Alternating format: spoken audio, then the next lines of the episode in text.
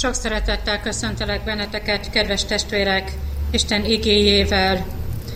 Közel van az Úr a megtört szívekhez, és megsegíti a sebhet lelkeket. Sok baja van az igaznak, de valamennyiből kimenti az Úr. Amen. Kegyelem nékünk és békesség Istentől, ami atyánktól, és ami Urunktól, az Úr Jézus Krisztustól. Amen. Hallgassátok meg, kedves testvérek, Istennek igéjét, úgy, amint írva található a Máté írása szerinti evangélium 18. fejezetének 21. és következő verseiben. Míg Isten igéjét olvasom, leülve hallgassátok figyelmes szívvel. Máté evangélium a 18. fejezetének 21. és következő verseiben így szólít meg bennünket Urunknak élő igéje. Ekkor hozzámenvén Péter mondta, Uram, hányszor lehet az én atyám fiának ellenem védkezni, és néki megbocsátanom? Még hétszer is. Mondanéki Jézus, nem mondom néked, hogy még hétszer is, hanem még hetvenhétszer is. Annak okáért hasonlatos a mennyeknek országa királyhoz, aki számot akar vala vetni az ő szolgáival, mikor pedig számot kezde vetni, hozának eléje egyet, aki tízezer talentummal vala adós, nem tudván pedig fizetni, parancsolá annak ura, hogy adják el azt, és a feleségét és gyermekeit és mindenét, amilyen vala, és fizessenek. Leborulván azért a szolga előtte könyörög vala néki mondván, Uram, légy türelemmel hozzám, és mindent megfizetek néked. Az úr pedig megszámván azt a szolgát, elbocsátá őt, és az adósságot is elengedé néki, kimenvén pedig az a szolga találkozék egyel az ő szolgatársai közül, aki száz dénárral valanéki adós, és megragadván azt folytogatja valamondván, fizesd meg nékem, amivel tartozol. Leborulván azért az ő szolgatársa az ő lábai elég könyörög vala néki, mondván, légy türelemmel hozzám, és mindent megfizetek néked. De ő nem akará, hanem elmenvén börtönbe veti őt, míg nem megfizeti, amivel tartozik. Látván pedig az ő szolgatársai, amik történtek valafelettébb megszomorodának, és elmenvén mindent megjelentének az ő uroknak, amik történtek. Akkor előhívatván őt az ő ura mondanéki, gonosz szolga, minden adósságodat elengedtem neked, mivel hogy könyörögtél nékem. Nem kellett volna én néked is könyörülnöd a te szolgatársadon, amiképpen én is könyörültem te rajtad. És megharagodván az ő ura, átadta őt a hóhérok kezébe, még nem megfizeti mint, amivel tartozik. Eképpen cselekszik az én mennyei atyám is veletek, a szívetekből meg nem bocsátjátok kiki az ő atya fiának az ő védkeiket. A kegyelemnek Istene tegye megáldottá az ő szent igéjének meghallgatását, szívünk befogadását és megtartását. Jöjjetek, emeljük fel szívünket, imádkozzunk. Urunk, köszönjük néked, hogy önmagadhoz engedsz minket. Köszönjük néked a kegyelmi időt, ezt a mai napot, amelyel megajándékoztál bennünket. Köszönjük néked, Urunk, hogy mindent letehetünk a Golgota keresztje tövében. Kérhetjük és mondhatjuk adósaként Uram, könyörülj életemen. Olyan nehéz elhinni és olyan nehéz elfogadni, hogy Te helyettünk és érettünk meghaltál ott a Golgotai kereszten, hogy Te felvitted a fára a mi adósságunkat, és Te mindent elvégeztél. Köszönjük néked, Urunk, hogy a megbánt bűnökről Te sohasem emlékezel meg. Mi mindig mindenről megemlékezünk. Mi semmit sem tudunk elfelejteni. Annyira kemény a mi életünk, és annyira kemény a mi szívünk. és a te szíved, Urunk, nem volt kemény. Te mindent tökéletesen elvégeztél és elrendeztél. És ezzel az ajándékkal szeretnél megajándékozni bennünket. Urunk, Te tudod és Te látod, hogy milyen papírok vannak a mi kezünkbe. Te látod, és Te tudod, hogy ezekre a papírokra mik vannak felírva.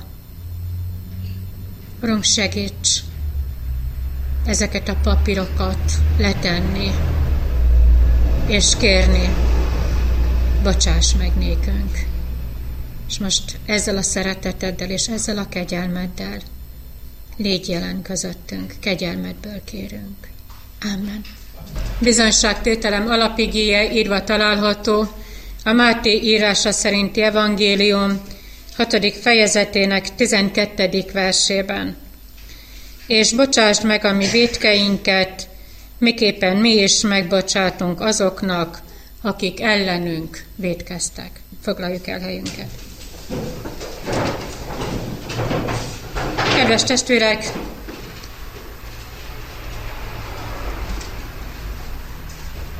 Jézus nagyon sokszor példázatokban beszélt a tanítványoknak, és példázatokkal beszél, vigasztal és bátorít bennünket is. Nem nagyon tudjuk mi elgondolni, vagy talán megfogalmazni, hogy milyen hely az Isten országa. A tanítványok sem igazán tudták mindezt megfogalmazni, és Jézus éppen ezért példázatokkal világosítja meg, magyarázza el a tanítványoknak, hogy milyen az Isten országa. Isten országa olyan, mint egy családi otthon. Ezt akkor mondja, mikor a tékozló fiúnak a történetét meséli el a tanítványoknak. És már itt egy kicsit elgondolkodunk, hogy hát olyan, mint egy családi otthon. Hát a tékozló fiú ebben a családi otthonban nem érezte jól magát. A korlátok miatt? A szeretet miatt, amelyik terhes volt már az ő számára? Ebből a családi otthonból ez a tékozló fiú elment, de mégis. Ez a családi otthon lebegett mindig. A szeme előtt, és aztán a disznók vájójától mégiscsak hazafele indult, mert ebben a családi otthonban átérezte az atyának a szeretetét, megbocsátását, és bízott abban, hogy az atya visszafogadja. Milyen az Isten országa? Ha a királyi mennyegzőnek a története szemünk előtt van, akkor azt mondjuk, hogy Isten országa olyan, mint egy lakodalom, ahol örülnek, ahol szeretik egymást, ahol tudnak együtt örülni az örülőkkel. Milyen még az Isten országa? Olyan hely, ahol átéli az ember, mit jelent a feltétel nélküli jóság, milyen a mindenkinek felajánlott és mindenre elégséges kegyelem. És milyen még Isten országa? Mi a talán a legjellemzőbb vonása a kiapadhatatlan szeretet. És ha megnézzük saját magunk életét, nem erre a kiapadhatatlan és feltétel, kiapadhatatlan szeretetre és feltétel nélküli kegyelemre vágyakozunk mi. Ha megnézzük egész eddigi földi életünket, nem ez hiányzott nekünk? Nem ezután sóvárog a mi életünk? A kiapadhatatlan szeretetre és a mindenre elégséges, feltétel nélküli kegyelemre. Mert életünket végig kísérik a mi döntéseink. Azok a döntések, amelyekkel, amelyeket meghozunk, döntések, amelyel felmentjük saját magunkat, és döntések, amelynek káros következményét hordozza és viseli a másik ember. Tudtunk-e már jó döntést hozni? Volt-e már életünkben egyetlen egy jó döntés? Vagy csak a rossz döntések sorozatát jut most eszünkbe? Mert a bűnt, ha össze kellene foglalni, akkor azt mondanánk, hogy az a, rossz, az a rossz döntés, amely miatt emberek szenvednek. Volt-e már életedben egyetlen egy jó döntés? Nem sok, Egyetlen egy jó döntés. És azt mondjuk, hogy ezt a, eztnek a rossz döntésnek a következményét ezt kezelni kell. Hát hogyan lehet egy bűnt kezelni, hogy hogyha megbüntetem? Csak itt újra felteszi az ember a kérdést, hogy Biztos, hogy a bűnöst ítéljük el, és nem az ártatlant. Biztos, hogy azt az embert büntetjük meg, aki vétett ellenünk. És ha mi azt mondjuk, hogy nem tudjuk meghozni ezt az ítéletet, akkor rábízzuk ezt az igazságszolgáltatásra, és a bíróság elé citáljuk ezt az embert, akiről mi úgy gondoljuk, hogy bűnös. És a bíróság az mindig a bűnöst ítéli el. Hányszor és hányszor szembesülünk azzal, hogy az ártatlant mondják ki bűnösnek, és ártatlanul tölti büntetését a börtönben. De a bűneinknek, a rossz döntéseinknek, rossz döntéseinket már nagyon sokszor nem tudjuk jóvá tenni, és velünk szemben sem tudják már jóvá tenni. A bűn kérdésének nem az igazságszolgáltatás a végső megoldása. Hát akkor mi? A sátán segít nekünk ebben a problémában. És azt mondja, hogy ha ezzel a igazság szolgáltatással te nem akarsz foglalkozni, akkor ne foglalkozz vele. Hát semmi baj. Akkor ajánlok neked egy másik lehetőséget. Nagyon röviden így lehetne talán összefoglalni, hogy ez a szerecsen mosdatás.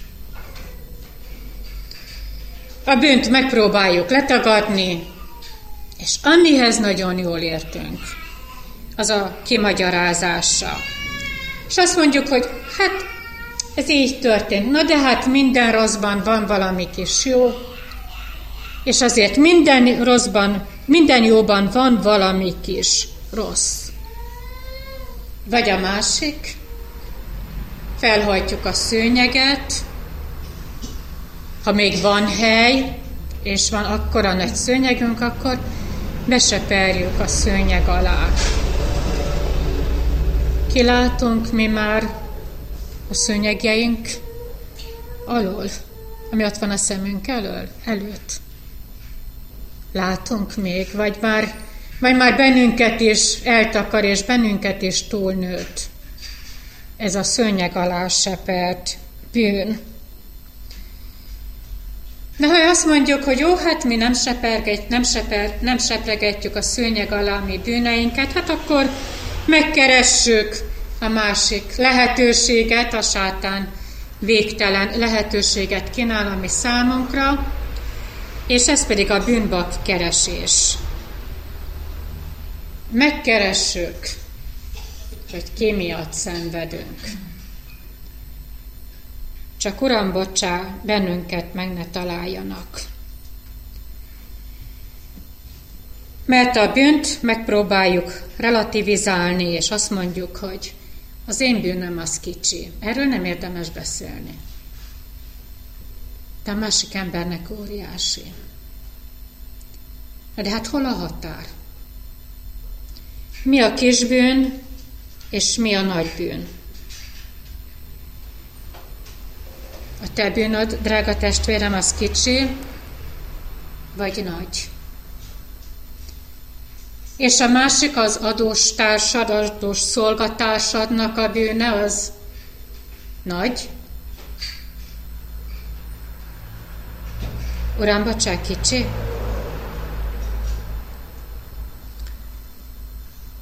És még van emberi próbálkozás, és ez pedig az, hogy a kivétel.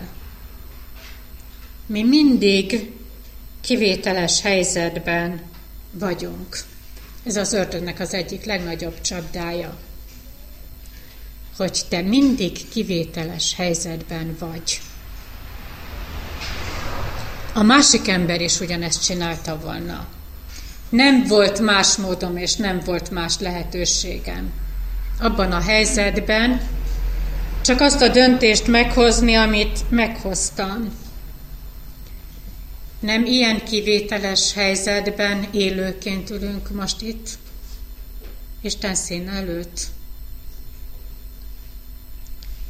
Kivételes helyzetben lévő emberek gyülekezete.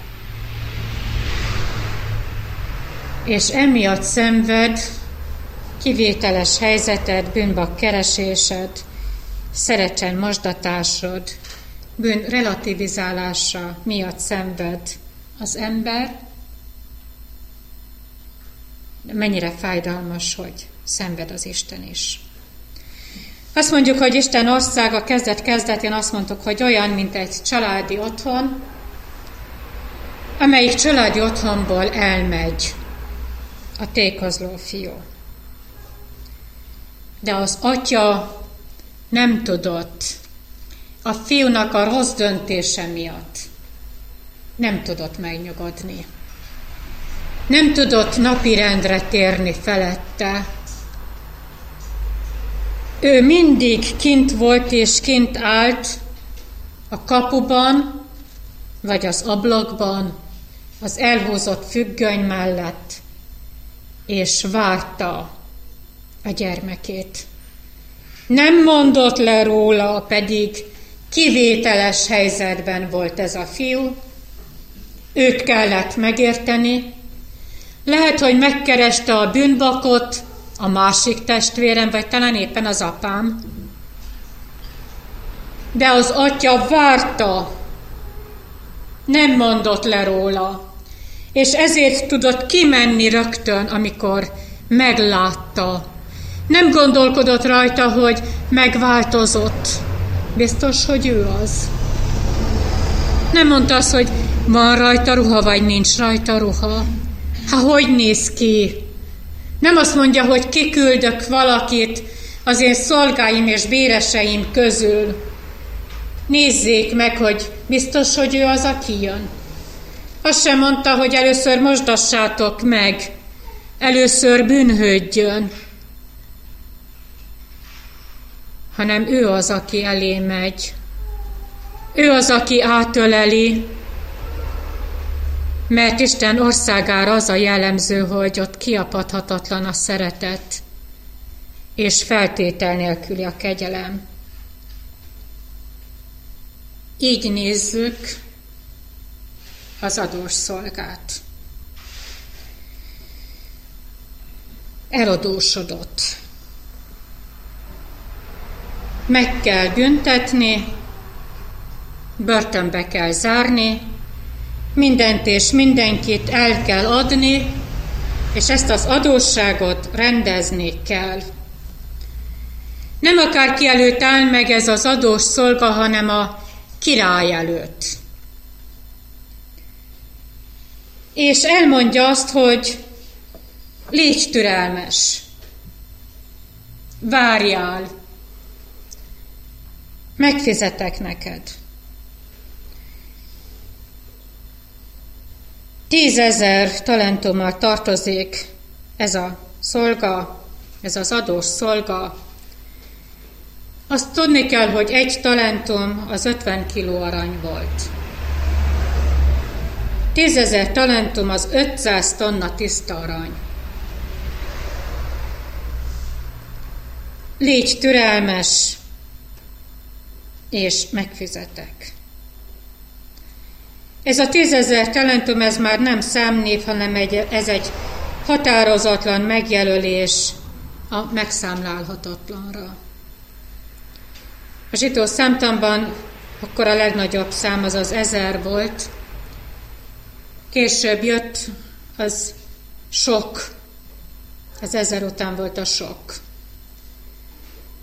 És Jézus kora után jött ez a utolsó utáni szám, ez a tízezer. 500 tonna arany. Mennyire nevetséges, és mennyire szánalmas. Ez, a, ez az adós.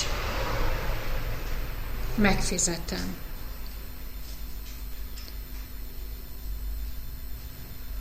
Tehetetlen, és önmagát is áltatja.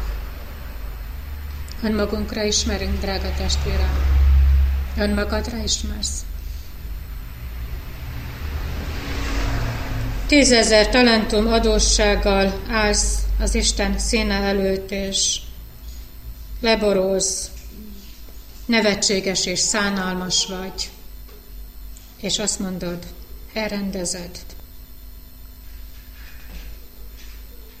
Mennyi mindent nem tudtunk mi elrendezni. És mennyi mindent nem tudtunk mi jóvá tenni. Össze tudsz gyűjteni 500 tonna aranyat. Nem több a te adósságod? Ha valaki egy vagy tíz vagy száz forinttal tartozik nekünk, azután utána megyünk és bevassaljuk rajta. Add meg.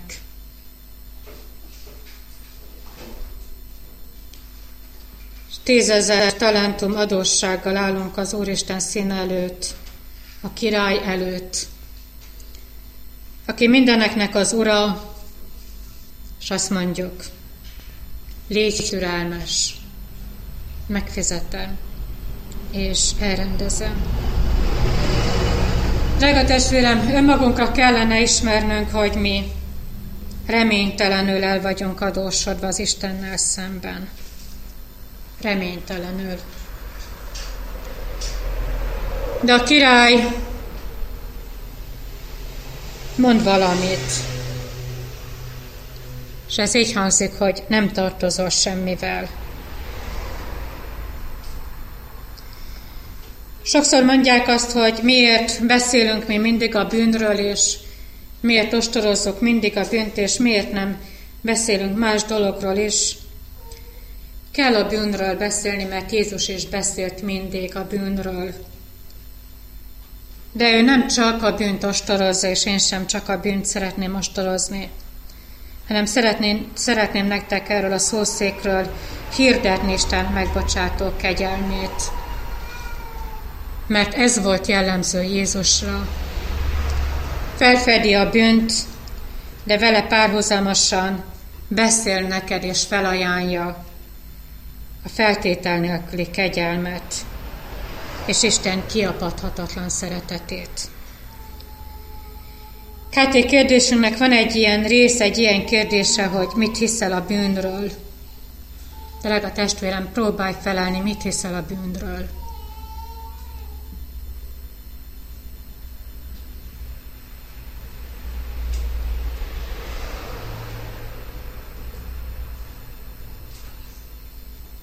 Kárténk így felel, ha te elmondtad önmagadba, hogy mit hiszel róla, de saját magad bűnéről és nem a másik ember bűnéről bizakodom, akkor az így hangzik, hogy meg van bocsátva. Meg van bocsátva.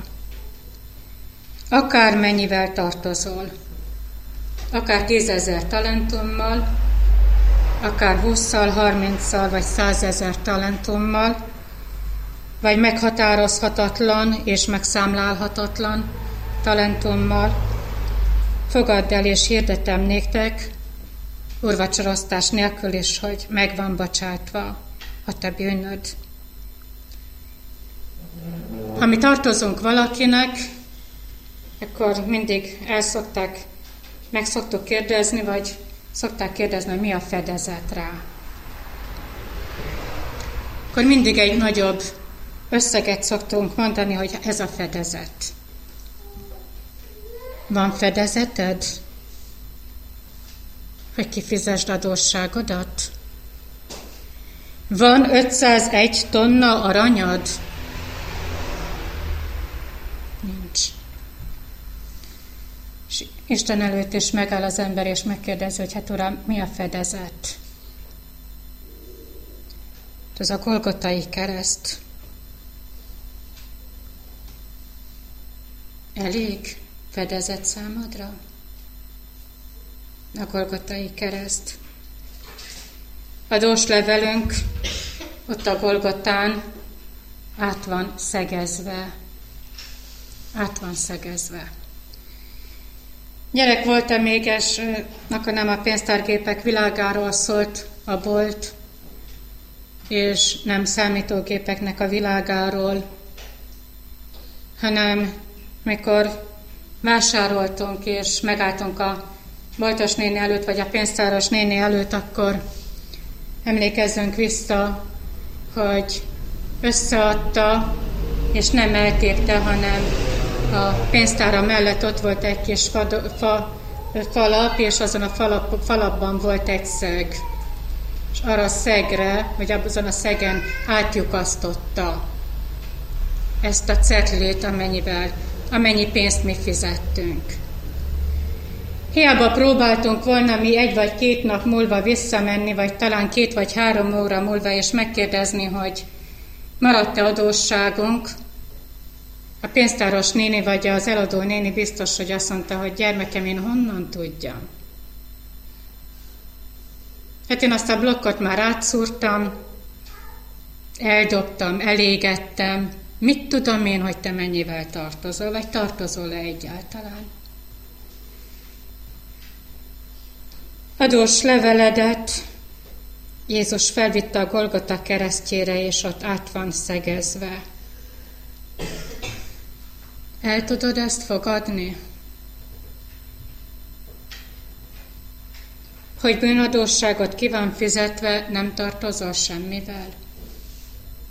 Megbánt bűnöd, adóssága ki van fizetve. Hihetetlennek tartod? Kételkedsz benne? Vagy talán sérti az önérzetedet? Elfogadni az ingyen kegyelmet? Sért az önérzetünket. Nehéz elhinni, hogy bűneimre van bűnbocsánat, és van szabadulás. Azért, mert nem tudjuk a másik embernek megbocsátani a bűnét és vétkét. Melegfőtön lelkész továbbképzésen hallottunk egy megrázó előadást evangélikus lelkész feleségét, feles, evangélikus, evangélikus lelkésznő tartott ezt az előadást, ismertük az ő egész életét, én gyerekkorától kezdve ismerem, és azt mondta, hogy addig, ameddig valaki nem tudja megvallani a bűnét, eddig olyan nehéz megbocsájtani ennek az embernek. És elmondta azt, hogy ezt főleg azokra az időkre és azok, azokban az időkben élőkre mondta, akik, akik kihasználták az emberi lehetőségeket, és ártatlan embereket mártottak be, és tették lehetetlenni az életüket, az úgynevezett besugók. Meg lehet bocsájtani, és meg is bocsát az ember, de hagyd kérdezzem meg, hogy erről a szószékről valaki elmerte mondani, kimert állni, és elmerte mondani, hogy én besugó voltam. Embereknek, lelkészeknek, lelkész gyerekeknek tette tönkre az életét, és az ő pályája pedig egyenesen évelt felfelé. Mert meghozott egy rossz döntést. És a rossz döntésnek volt következménye. A rossz döntésednek, drága testvérem, van következménye. Csak bocsánatot kellene kérni. De nem tudunk. Ha egy szeget beleverünk egy ajtó félfába, próbáljátok ki otthon, és húzzátok ki a szeget. Mit láttok azon a fán? A helyét.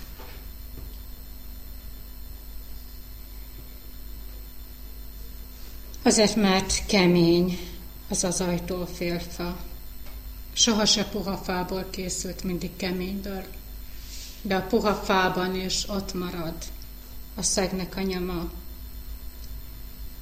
És semmit se veszünk észre azon az ajtófélfán, de megkeressük a szegnek a helyét és a szegnek a nyomát.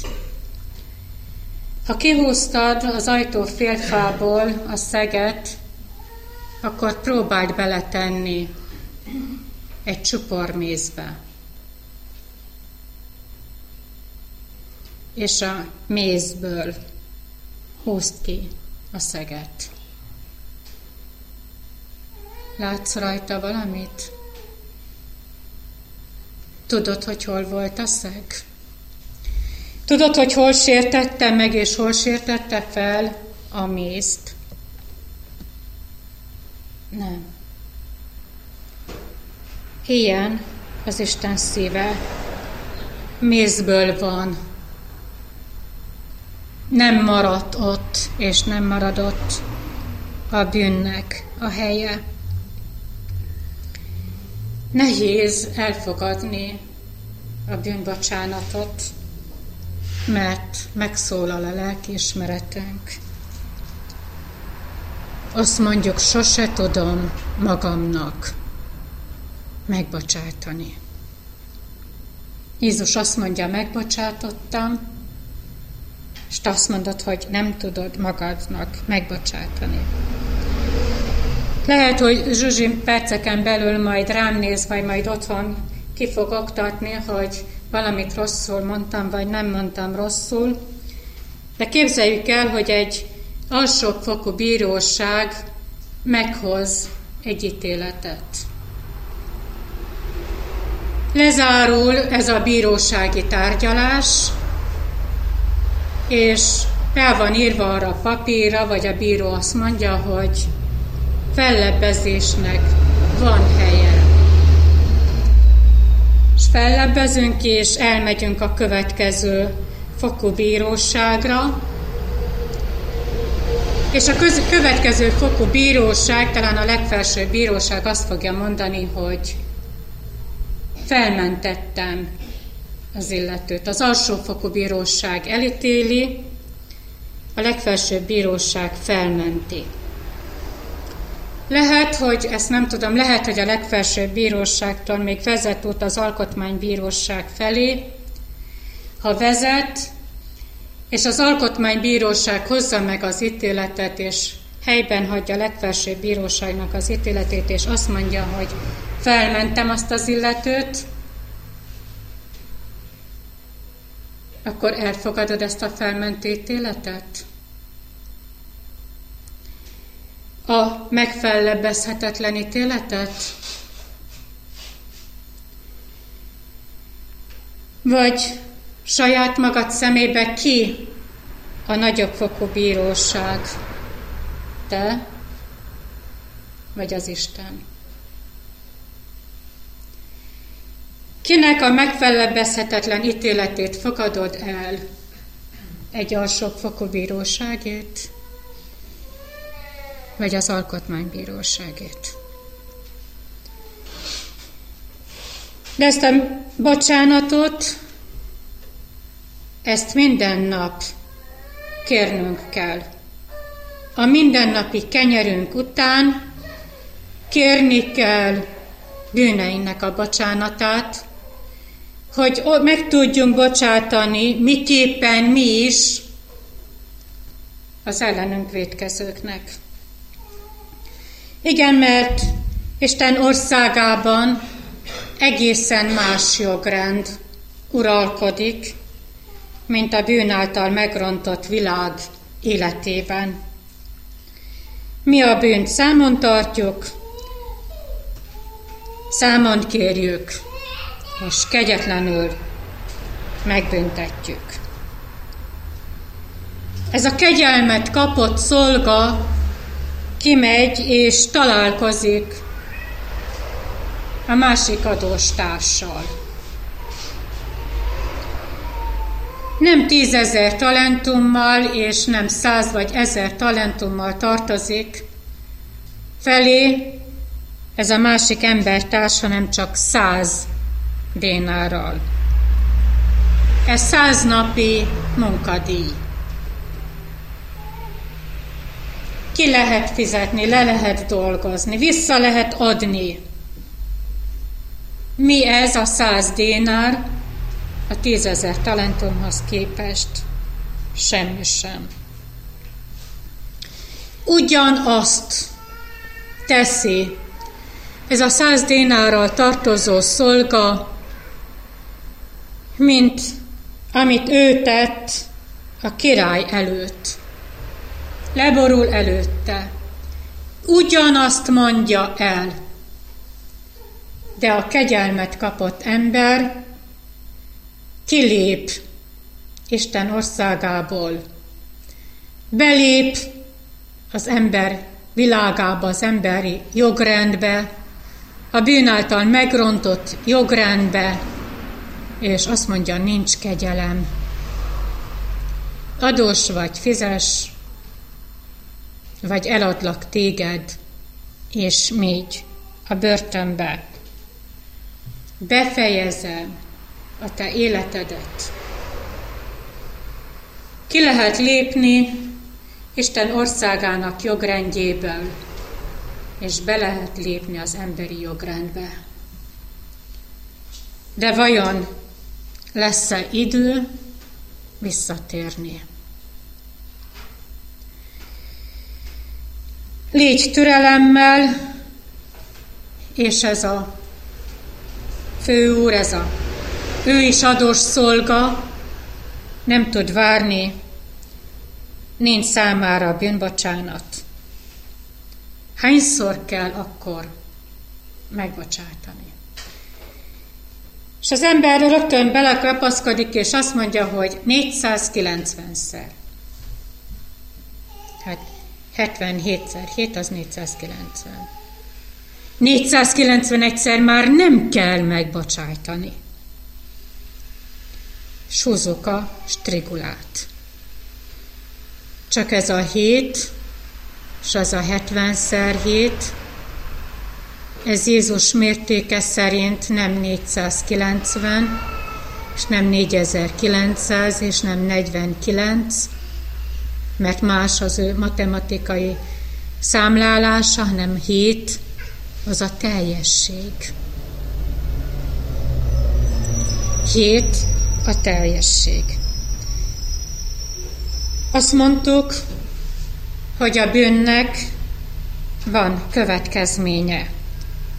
A rossz döntéseinknek is megvan a következménye.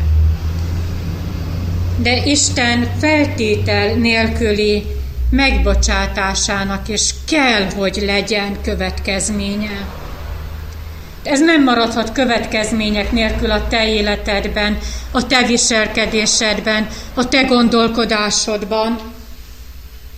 Neked meg kell tudni bocsájtani. Ha életedben hoztál legalább egyetlen egy jó döntést, és lehet, hogy a listát sorolod a jó döntéseidről, de én egyetlen egy jó döntést szeretnék kiemelni, és meghoztad-e már azt, és ez a jó döntés, ez így hangzik, hogy elfogadtam Jézus Krisztust életem megváltójául. Meghoztad ezt a jó döntést? Vagy ez még hiányzik? És ezért nem tudsz jó döntéseket hozni, csak csupa rossz döntéseket. És ennek a rossz döntéseknek a következményét isszák az emberek, és ettől szenved a föld és világ, teremtője, életed megváltója, Jézus Krisztus. Mi feltételeket szabunk a megbocsátásnak, amire mindig emlékezünk, és Istennél nincsen feltétele a megbocsátásnak. De egyszer eljön a nagy számonkérésnek a pillanata. Amikor meg kell majd állnunk Isten ítélő széke előtt, és eljön a számonkérés és a nagy összefoglalás, a nagy beszámolás. Tudnunk kell azt, hogyha itt ezen a földön. Mi tudtunk a mennyek országának jogrendje szerint élni, akkor számunkra azon az utolsó napon Isten a mennyek országának jogrendje szerint ítél. De ha mi csak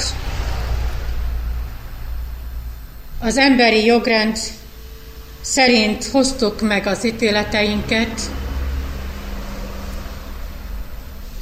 és ezen mi nem is akartunk változtatni, akkor azon az utolsó napon Jézus Krisztus az ítélő székéből az emberi jogrend szerint fog ítéletet mondani életedről és életed felett.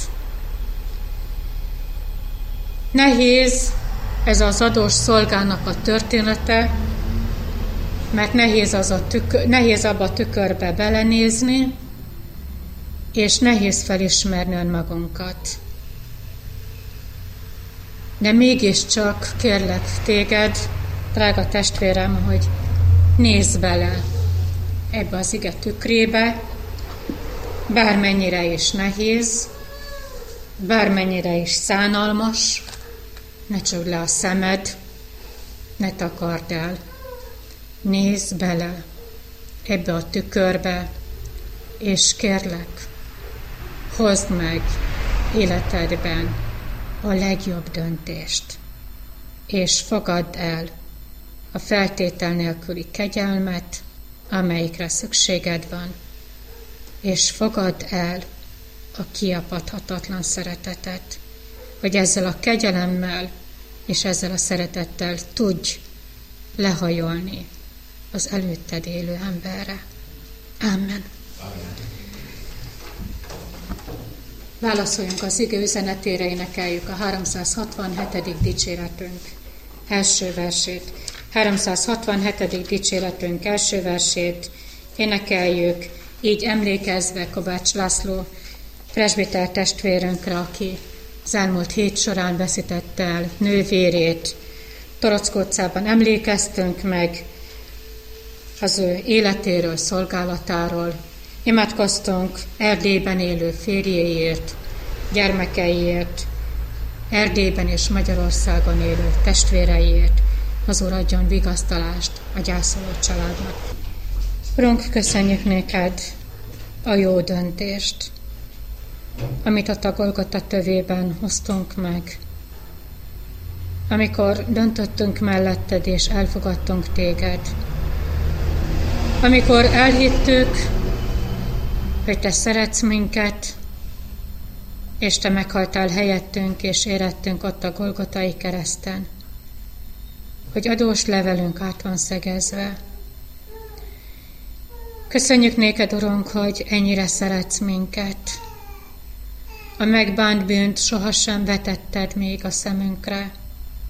Sohasem emlékeztettél bennünket. De Urunk, olyan nehéz, a másik embert átölelni. Olyan nehéz ugyanazt elmondani a másik embernek, nem haragszom, nem tartozol semmivel sem. Rossz döntéseket hozunk, és ezt mi is érezzük, csak nehéz bocsánatot kérni. Urunk, köszönjük néked, hogy tékozló fiaként visszavársz minket, vissza az atyai házba. Nem szabtál feltételt, csak azt, hogy induljunk vissza. Te tudod, hogy meddig jutottunk el, és most hol állunk. Te, Uram, csendesíts el bennünket, hogy valóban meghalljuk, azt a hazahívó szót, amelynek meghallása után mi valóban boldogok lehetünk. Abban az otthonban, amelynek Te vagy az Ura és gazdája. Köszönjük néked, Urunk, azt az esztendőket, amelyeket ajándékul kaptunk, és kapunk Te tőled. De tudjuk, hogy ez a földi sátorházunk elbomol egyszer, és eljön a hazatérésnek a pillanata. Nem sátorba hívsz bennünket, hanem örökkévaló hajlékba. De kérünk téged, hogy még ettől a sátorháztól tartalmi életünk a mennyei házig. Kérünk téged, hogy te légy velünk. Te vezess minket, és te beszélj a mi életünkkel. És ebben az úton, míg itt tartol bennünket, ebben a sátorlétben, segíts meghozni a helyes döntést. Kérünk téged, hogy légy gyászoló presbiter testvérünkkel, családjával, többi testvérével, sógarával. Te kötözd be az ő sebeiket, és te mutasd tovább az utat az ő mennyei hajlékok felé kegyelmedből kérünk. Amen. Mi atyánk, ki vagy a mennyekben, szenteltessék meg a te neved, jöjjön el a te országod, legyen meg a te akaratod, mint a mennyben, úgy a földön is. Ami mindennapi kenyerünket add meg nékünk ma, és bocsásd meg a mi védkeinket, miképpen mi is megbocsátunk az ellenünk védkezőknek. És ne vigy minket kísértésbe, de szabadíts meg minket a gonosztól, mert Téd az ország, a hatalom és a dicsőség mind örökké. Amen. Áldjon meg téged az Úr, és őrizzen meg téged. Ragyogtassa rád orcáját az Úr, és könyörüljön rajtad. Fordítsa feléd orcáját az Úr, és adjon neked békességet. Amen.